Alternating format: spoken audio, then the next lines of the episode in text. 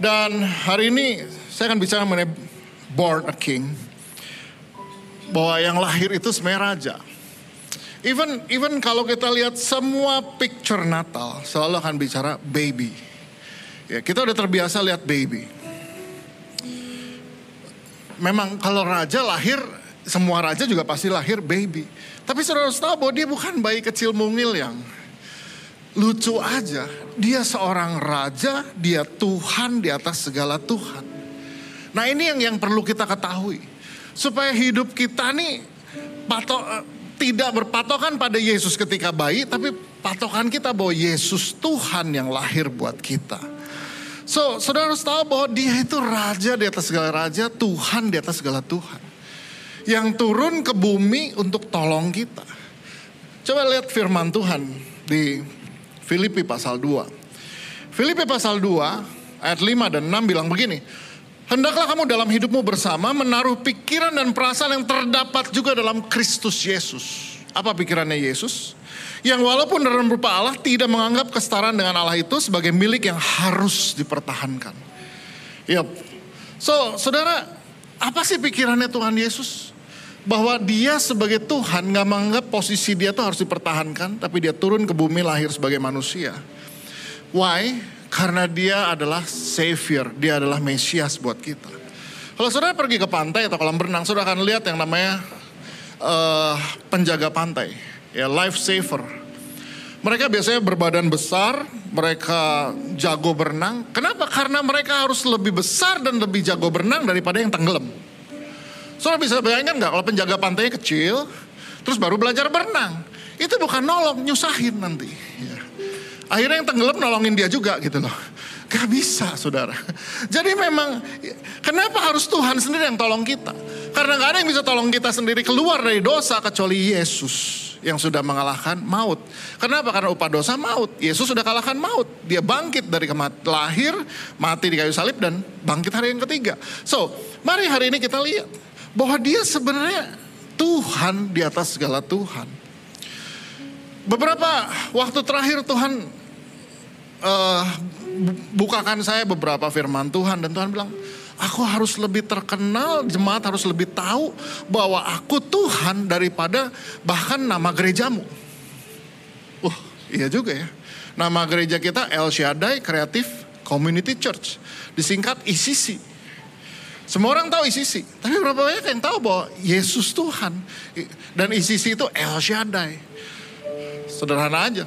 Makanya saudara lihat, uh, beberapa waktu yang lalu logo apps kita diganti. Kenapa logo apps diganti? Dasarnya karena diganti dengan tulisan else. Apa sih arti else? El Shaddai. Dulu kita selalu sebut gereja kita else. Ya. Which is itu lebih lebih mengingatkan kita akan El Shaddai sebetulnya. Ya, siapa El Shaddai? Dialah Yesus Kristus Tuhan di atas segala Tuhan, Raja di atas segala Raja yang berkuasa atas kehidupan kita semua. Ada amin saudara? Kasih kemuliaan buat Tuhan kita yang luar biasa. He's God Almighty. Yuk, saudara, dia El Shaddai, dia Tuhan yang turun ke bumi untuk tolongin kita. Nah, mari kita lihat. Apa yang istimewa dari dari dari peristiwa kelahiran uh, Yesus di Natal ini? Bahwa dia menjadi sama dengan manusia. Ini yang yang luar biasa, menjadi sama dengan manusia. Filipi 2 ayat 7, dia nggak sekedar lahir. Dibilang di sini, melainkan telah mengosongkan dirinya sendiri dan mengambil rupa seorang hamba dan menjadi sama dengan manusia. Apa arti mengosongkan diri sendiri? Waktu saya baca lagi nih ayat, baca lagi, baca lagi. Benar-benar dia jadi manusia sejati. Dia bukan turun ke bumi, tapi masih punya kekuatan ilahinya yang kesaktiannya sebagai Tuhan. Sehingga dia nggak perlu hidup sebagai manusia. No, dia mengosongkan dirinya. Berarti dia dia benar jadi manusia total. Dia jadi manusia total kayak saudara dan saya. Bisa lapar, bisa haus, bisa sedih, saudara baca Alkitab. Bisa menangis, even bisa tertawa. Ya, bisa bisa menyambut anak kecil berarti dia ramah kan? Oh iya, itulah dia. Mengambil rupa seorang hamba. Berarti dia dia dia juga yang biasa dilayani, dia sekarang melayani. Saudara bisa bayangkan dia raja di atas segala raja. Dia kalau udah di surga nggak perlu apa-apa. Tapi begitu dia turun ke bumi, dia mengambil rupa seorang hamba. Dia yang biasa dilayani sekarang melayani. Dan dibilang menjadi sama dengan manusia. Apa artinya menjadi sama dengan manusia? Dia mengalami pergumulan-pergumulan yang saudara alami dengan hidup kita hari ini. Sama. Apa sih yang dia kerjain? Yang dikerjakan jadi tukang kayu. Siapa Yusuf? Dia kan dia kan kontraktor. Bahasa aslinya teknon. Itu kontraktor. Dan apa yang dikerjain? Dia bikin mebel, dia bikin rumah. Dan Yesus harus kehilangan Yusuf ketika dia masih remaja. So dia harus teruskan usaha bapaknya untuk hidupi mamanya dan adik-adiknya. Dan ini istimewanya. Kenapa kalau dia jadi manusia? Dia bisa mengerti ketika kita mengeluh. Ketika kita bilang sama Tuhan, Tuhan saya capek. Tuhan bilang, iya saya tahu kamu capek. Saya juga pernah di situ. Ketika saudara bilang, Tuhan saya harus bayar tagihan, saya nggak tahu gimana. Yesus pernah alami itu. Ketika saudara bilang, Tuhan saya nggak ada siapa-siapa, saya harus urus mama, urus adik-adik. Dan Yesus bilang, so do I. Saya juga buat itu. I did it, kata Tuhan Yesus. Tuhan Yesus alami ini. So, makanya dia sangat mengerti doa dan keluhan saudara. Ada amin saudara. Dia Tuhan bukan yang nggak ngerti kita. Even even dia tahu tetangga gosipin apa tentang dia. Karena waktu itu kan mereka belum tahu dia Tuhan kan. Yang dia tahu bahwa Maria lahir sebelum menikah dengan Yusuf. Yang tetangga tahu cuma itu. Jadi dia tahu apa bisik-bisiknya tetangga. Belum lagi fitnahan buat dia, dia tahu. Jadi kalau saudara ngeluh sama dia, Tuhan ini orang jahat banget sama saya. Tuhan bilang, I know, I know. Ini yang membuat saya diam cukup lama saya renungkan ini. Semua keluhan saya, even as a senior pastor, Tuhan bilang, I know, I feel it. Tuhan cuma bilang, I feel you. I feel you. Kenapa dia pernah ada di situ? Ketika saya bilang Tuhan jahat banget, saya nggak pernah buat itu. Kenapa orang fitnah begitu? Tuhan bilang, I feel you. Saya pernah ada di situ. So, saudara itulah artinya menjadi sama dengan manusia.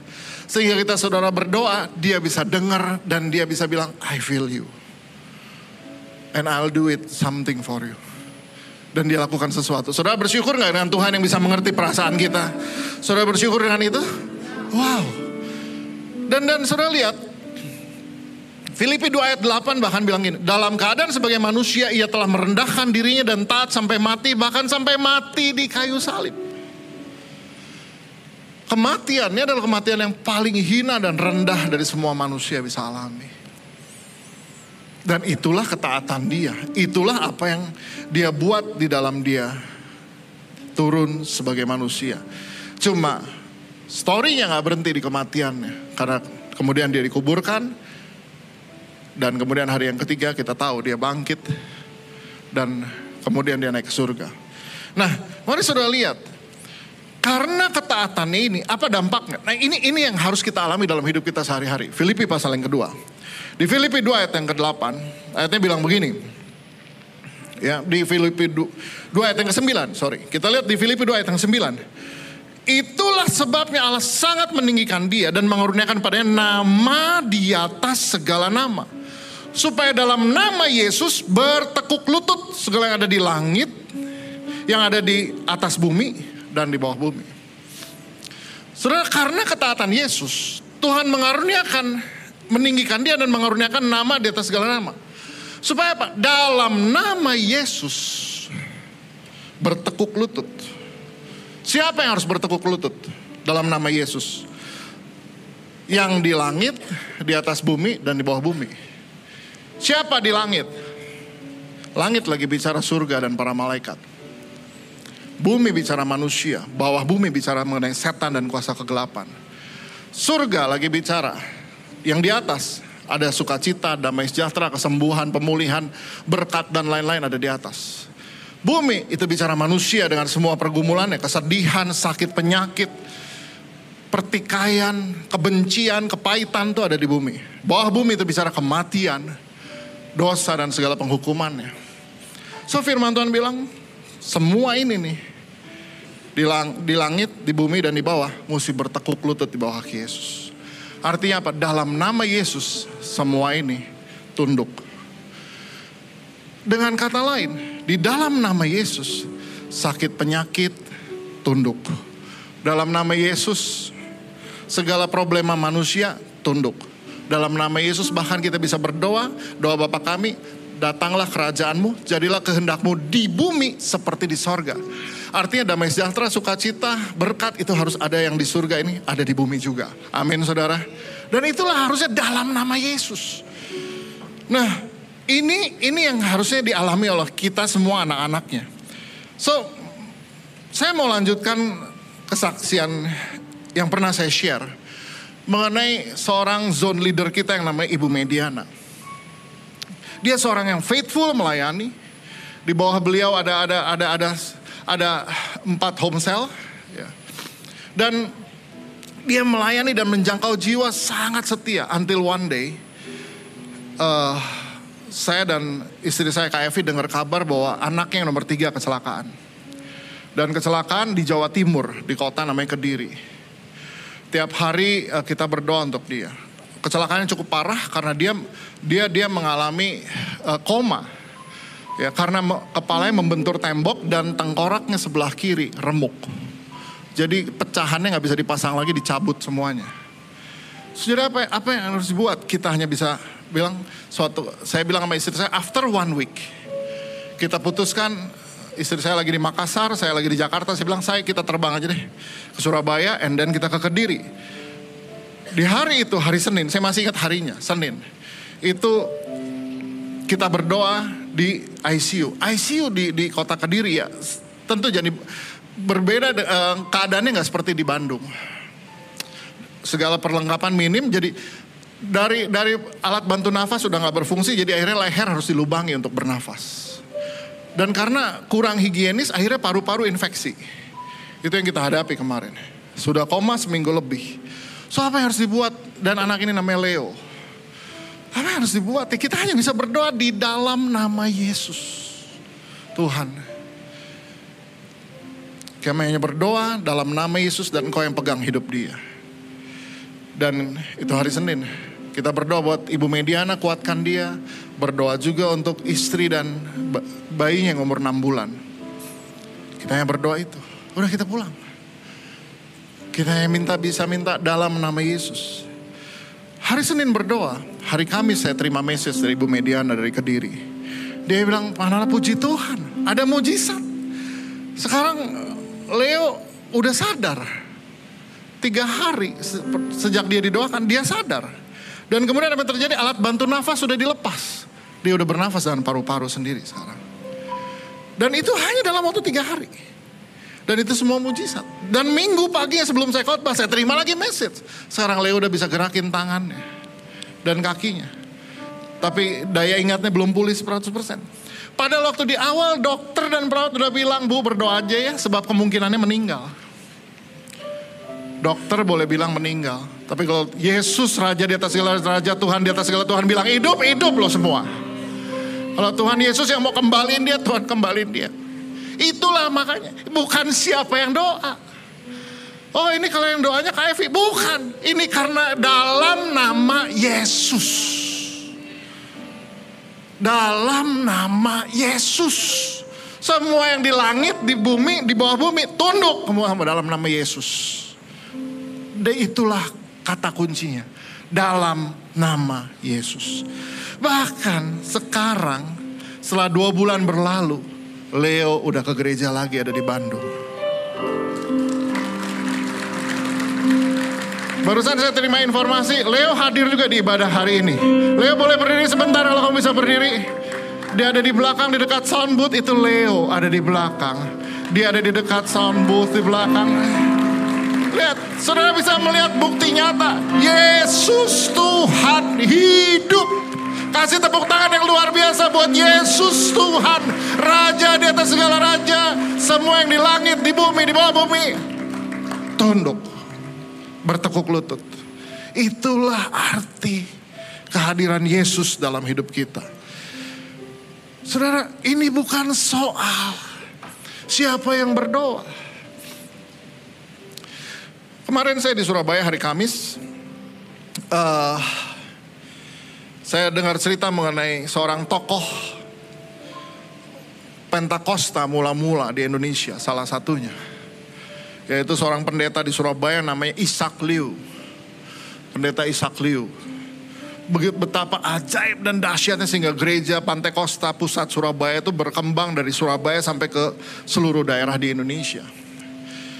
Saya tanya apa yang istimewa dari beliau? Itu beliau itu doa tuh.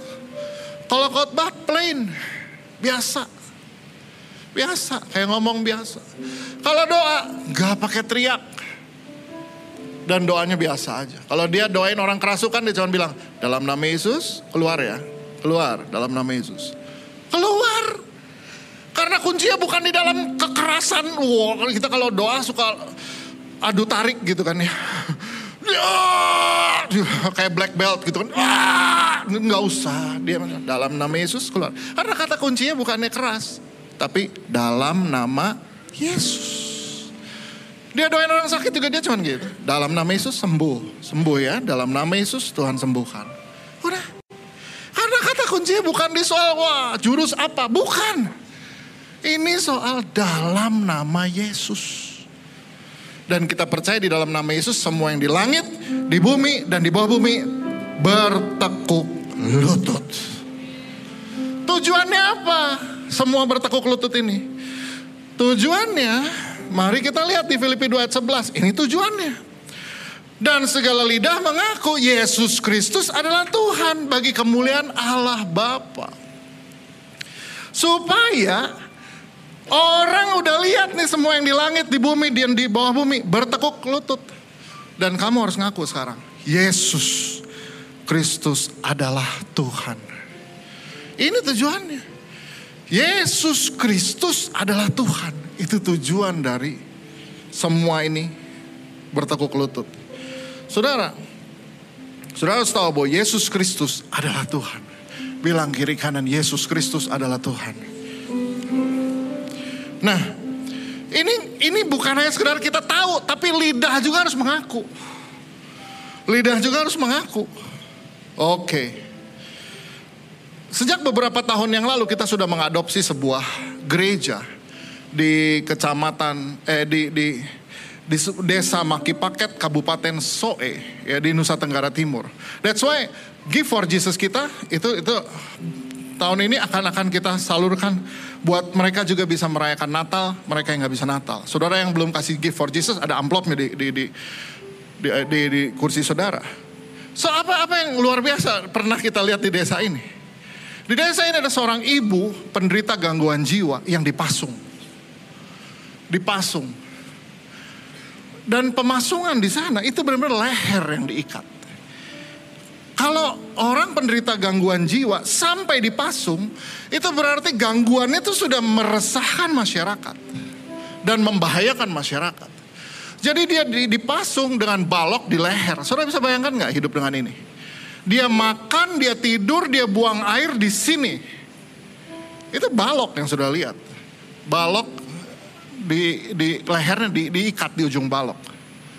Karena, karena mereka nggak tahu harus berbuat apa. Sampai ibu gembala dari gereja ini menemukan dia dan mendoakan dia. Dan me, me, meminta pasungannya dilepas dan tadinya orang desa ketakutan tapi lepas dan didoakan di dalam nama Yesus. Apa yang terjadi?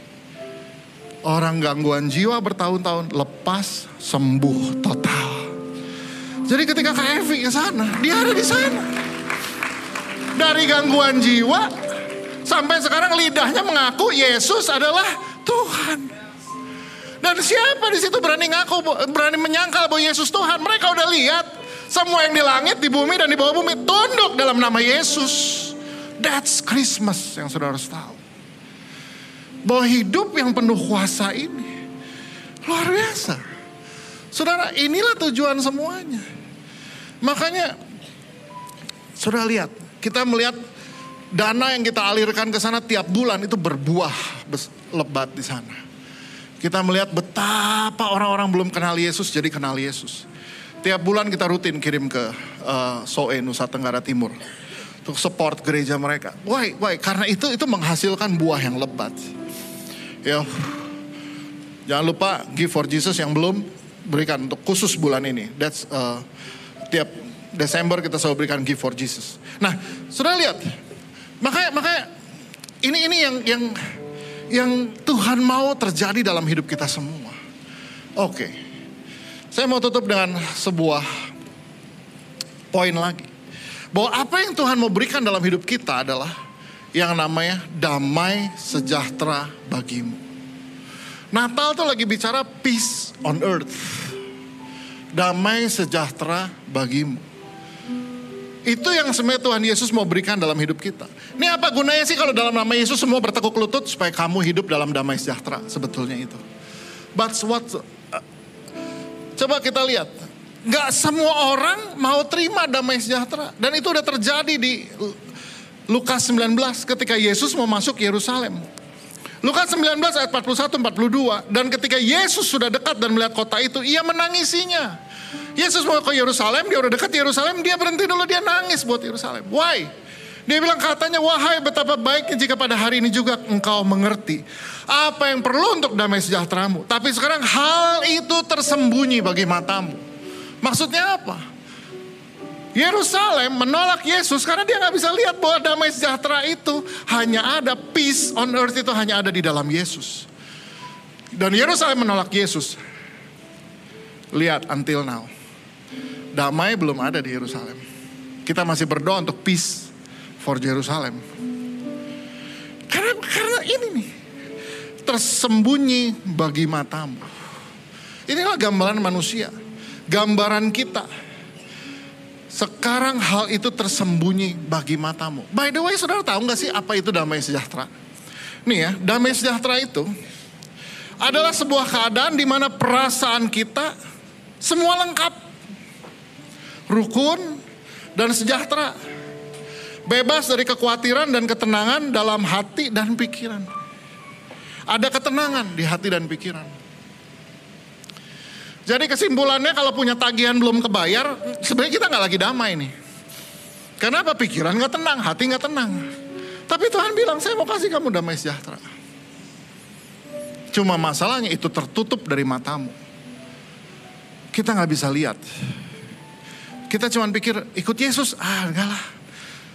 Mendingan juga cari duit. Sudah boleh cari. Uangmu nggak bisa membuat engkau damai sejahtera. Uang nggak bisa buat kita damai sejahtera. Kita pikir kalau punya uang nanti kita jadi damai lah. Keluarga juga jadi jadi harmonis kalau ada uang. Enggak tuh. Berapa banyak orang yang uangnya berkapal-kapal toh harus dikonseling urusan keluarga. Harus dikonseling urusan anak yang berontak. Uangnya nggak bisa membuat damai sejahtera tuh.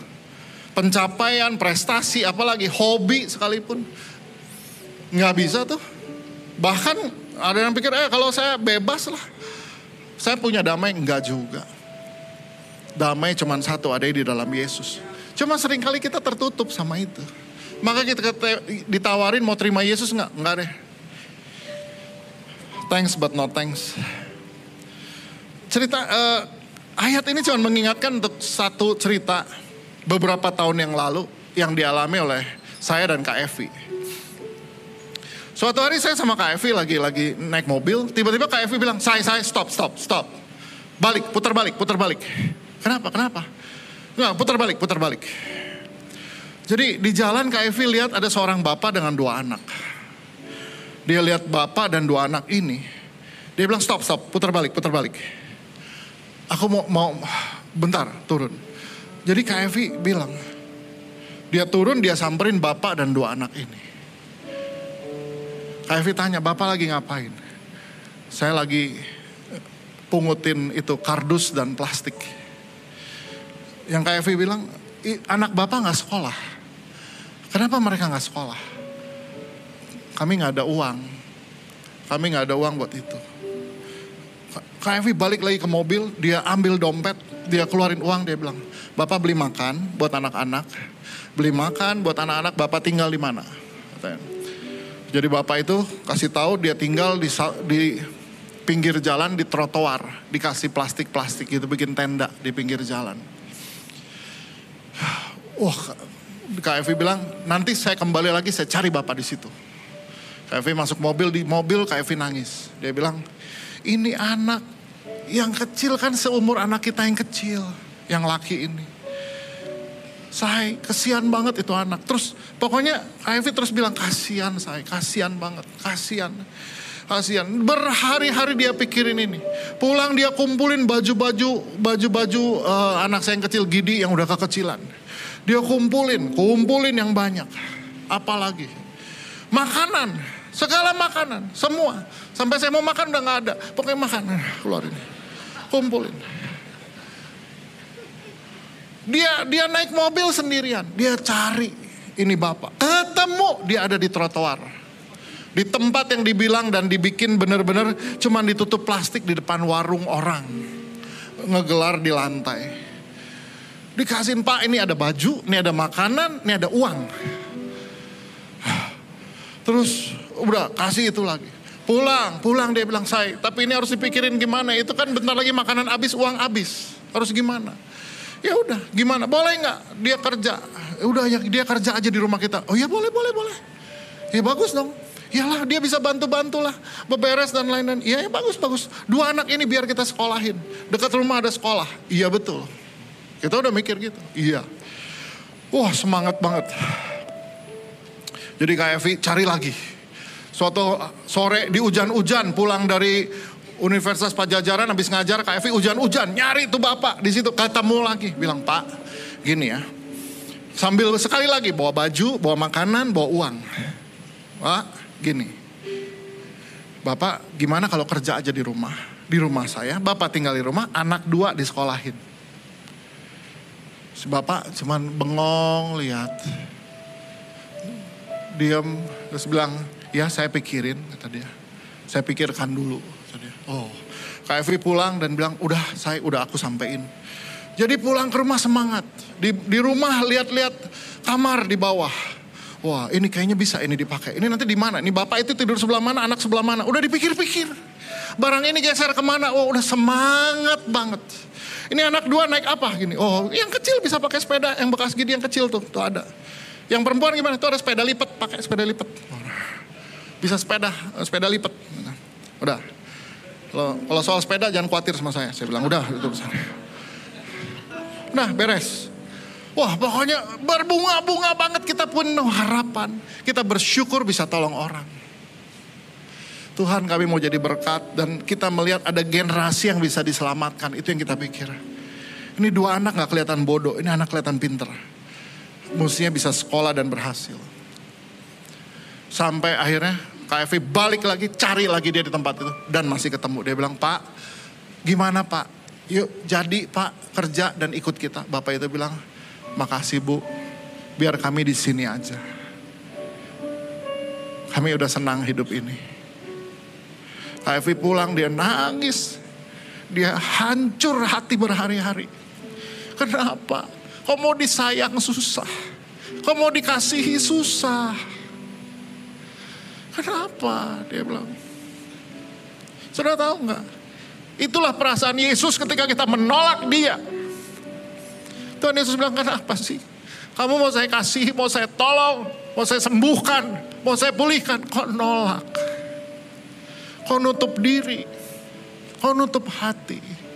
Natal itu bicara soal terbuka buat Yesus Raja yang boleh datang dalam hidup kita.